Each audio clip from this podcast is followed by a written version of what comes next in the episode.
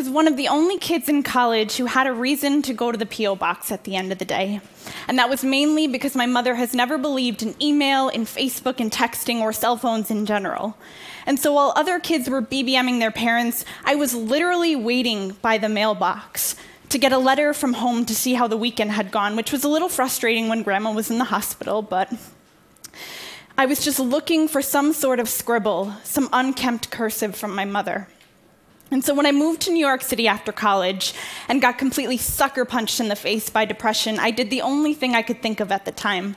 I wrote those same kinds of letters that my mother had written me for strangers and tucked them all throughout the city. Dozens and dozens of them. I left them everywhere in cafes and in libraries at the UN, everywhere. I blogged about those letters in the days when they were necessary, and I posed a kind of crazy promise to the internet that if you asked me for a handwritten letter, I would write you one. No questions asked. Overnight, my inbox morphed into this harbor of heartbreak.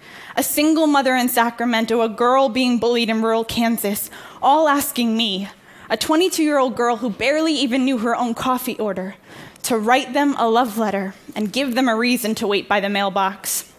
Well, today I fuel a global organization that is fueled by those trips to the mailbox fueled by the ways in which we can harness social media like never before to write and mail strangers letters when they need them most. But most of all, fueled by crates of mail like this one, my trusty mail crate, um, filled with the scriptings of ordinary people. Strangers writing letters to other strangers, not because they're ever going to meet and laugh over a cup of coffee, but because they have found one another by way of letter writing. But you know, the thing that always gets me about these letters is that most of them have been written by people that have never known themselves loved on a piece of paper. They could not tell you about the ink of their own love letters. They're the ones from my generation, the ones of us that have grown up into a world where everything is paperless and where some of our best conversations have happened upon a screen. We have learned to diary our pain onto Facebook and we speak swiftly in 140 characters or less. But what if it's not about efficiency this time? You know, I was on the subway yesterday with this mail crate, which is a conversation starter, let me tell you, if you ever need one, just carry one of these. And a man just stared at me and he was like, Well, why don't you use the internet? And I thought, Well, sir, I am not a strategist, nor am I a specialist. I am merely a storyteller. And so I could tell you about a woman whose husband has just come home from Afghanistan and she is having a hard time unearthing this thing called conversation. And so she tucks love letters throughout the house as a way to say, Come back to me, find me when you can.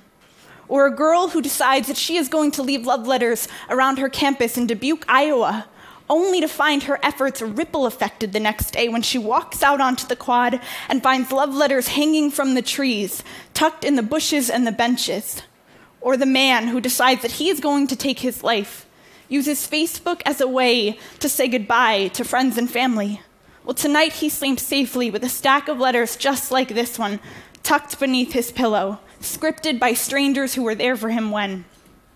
You know, these are the kinds of stories that convince me that letter writing will never again need to flip back her hair and talk about efficiency, because she is an art form now, all the parts of her the signing, the scripting, the mailing, the doodles, and the margins. The mere fact that somebody would even just sit down, pull out a piece of paper, and think about someone the whole way through with an intention that is so much harder to unearth when the browser is up and the iPhone is pinging and we've got six conversations rolling in at once. That is an art form that does not fall down to the Goliath of get faster no matter how many social networks we might join. We still clutch close these letters to our chest to the words that speak louder than loud when we turn pages into palettes to say the things that we have needed to say, the words that we have needed to write to sisters and brothers, and even to strangers for far too long. Thank you.